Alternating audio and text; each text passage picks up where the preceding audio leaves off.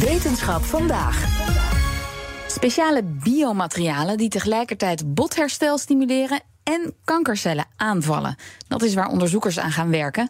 Nou, Carlijn Meinders, onze wetenschapsredacteur, vertel meer. Ja, vandaag eh, werd bekendgemaakt welke Europese onderzoekers voor hun project een beurs van de European Research Council ontvangen. Dat zijn in totaal 321 wetenschappers die naar allerlei verschillende dingen kijken: planeten, gedrag, plantjes. Zitten ook een heleboel Nederlandse onderzoekers tussen. En eentje daarvan is Sabine van Rijt, verbonden aan het Merlin Instituut van de Universiteit Maastricht. Zij wil in haar project biomaterialen ontwikkelen voor mensen met primaire botkanker. Dan gaat het vaak om kanker in de lange botten van de armen of benen. In die patiënten is het zo dat als zij primaire botkanker hebben, wordt dat eerst chirurgisch verwijderd. Dan houdt de patiënt een soort gat over in dat bot. En daarnaast worden die patiënten vaak bestraald of krijgen ze chemotherapie. Alleen werkt dat vaak niet zo goed. Uh, een groot percentage van die patiënten die krijgt uh, opnieuw botkanker later in het leven.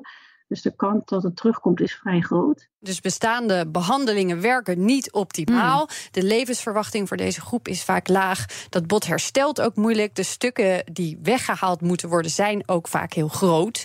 En dus wil Van Rijt biomaterialen ontwikkelen waarmee die behandeling beter lukt. En dat biomateriaal dat bestaat nog niet voor botherstel? Um, er is wel al aardig wat geprobeerd. Er is ook al materiaal op de markt. Dan gaat het net als in dit geval ook vaak om samengesteld materiaal, waarbij chemische verbindingen verschillende materialen dan aan elkaar vastmaken. En die materialen hebben inderdaad in sommige gevallen zelfhelende eigenschappen. En die hebben ze om deze reden. Chemische verbindingen kunnen stabiel zijn, maar ze kunnen ook onstabiel zijn. En uh, onstabiele verbindingen kunnen ervoor zorgen dat die verbindingen zich kunnen vormen en daarna ook weer kunnen loskoppelen en opnieuw kunnen vormen. En deze functionaliteit geeft de materialen eigenlijk dat uh, self-healing of dat adaptieve karakter. Maar het probleem met dat soort materiaal is dat het niet ontwikkeld is specifiek voor deze ziekte. Het is niet sterk genoeg om de druk op deze plekken in het lichaam, in die belangrijke botten aan te kunnen.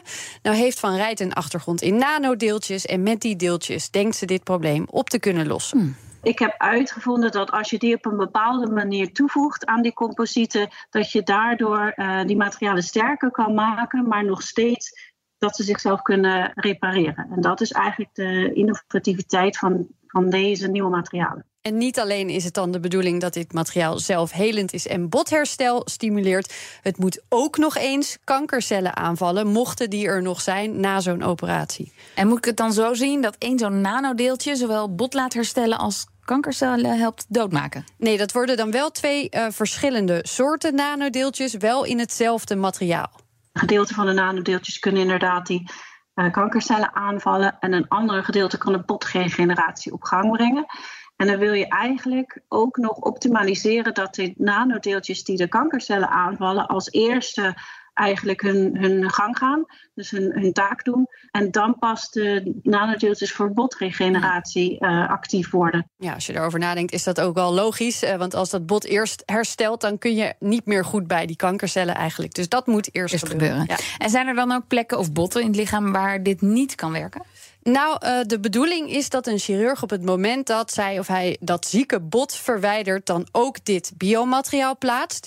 Dus erbij kunnen is bijvoorbeeld niet zo'n heel erg groot probleem. En dat is eigenlijk ook meteen het mooie van dit idee: dat een patiënt eigenlijk maar één operatie nodig heeft. En dat dat geplaatste materiaal dan ook nog dus eens die chemotherapie kan vervangen. Ja. En dat biomateriaal blijft daar dan altijd zitten?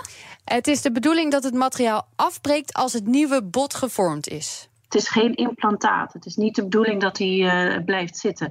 En dat maakt het ook een gecompliceerd voorstel, omdat natuurlijk die biomaterialen ook moeten degraderen op de tijdschaal dat botregeneratie plaatsvindt. Dus dat materiaal moet bot kunnen herstellen, sterk genoeg zijn om die krachten aan te kunnen, kankercellen bestrijden en dan ook nog eens precies op tijd uh, afbreken. Dat zal ook nog eens in elke situatie weer net anders zijn.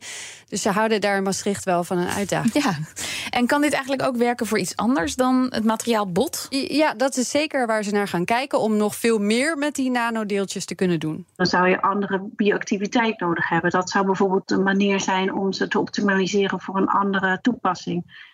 Maar bijvoorbeeld ook de mechanische eigenschappen zou je kunnen aanpassen naar bijvoorbeeld zachter weefsel. En qua type weefsel zijn de mogelijkheden dan in principe eindeloos, denkt Van Rijt. En moeten ze dan ook nog gaan onderzoeken of die materialen wel veilig zijn voor in je lichaam? Nou, eh, de verschillende bestanddelen die ze gaat gebruiken, die zijn al wel succesvol gebruikt in andere toepassingen. Maar als ze daar nu weer een nieuw product van maken, zoals ze ook aan het doen zijn, dan moet het wel weer ook weer opnieuw goedgekeurd worden voor die nieuwe toepassing. Uh, maar dat ze al worden gebruikt, geeft ze mogelijk wel een klein voorsprongetje wat dat betreft. En dit hele project, dat moet dan nog beginnen? Ja, ja uh, dat zal uh, dit jaar gebeuren. Het zal dan vervolgens vijf jaar lopen. Daarin gaat het er niet alleen om om zo snel mogelijk mogelijk een product te hebben, maar ook om heel goed te snappen wat er nou in dat materiaal gebeurt, in die verbindingen, wat er wel en niet kan. Want daar hebben andere onderzoeksvelden ook weer wat aan. Uh, ongetwijfeld vijf jaar met veel interessante ontwikkelingen. En als die er zijn, dan hoor je die natuurlijk in wetenschap van. En niet pas over vijf jaar, denk ik. Dankjewel, Carlijn. Ook Harm Edens vind je in de BNR-app. Je kunt BNR Duurzaam niet alleen live luisteren in de app, maar ook terugluisteren als podcast, zoals al onze podcasts. En naast dat de BNR-app Breaking News meldt, houden we je ook op de hoogte van het laatste zakelijke nieuws. Download nu de gratis BNR-app en blijf scherp.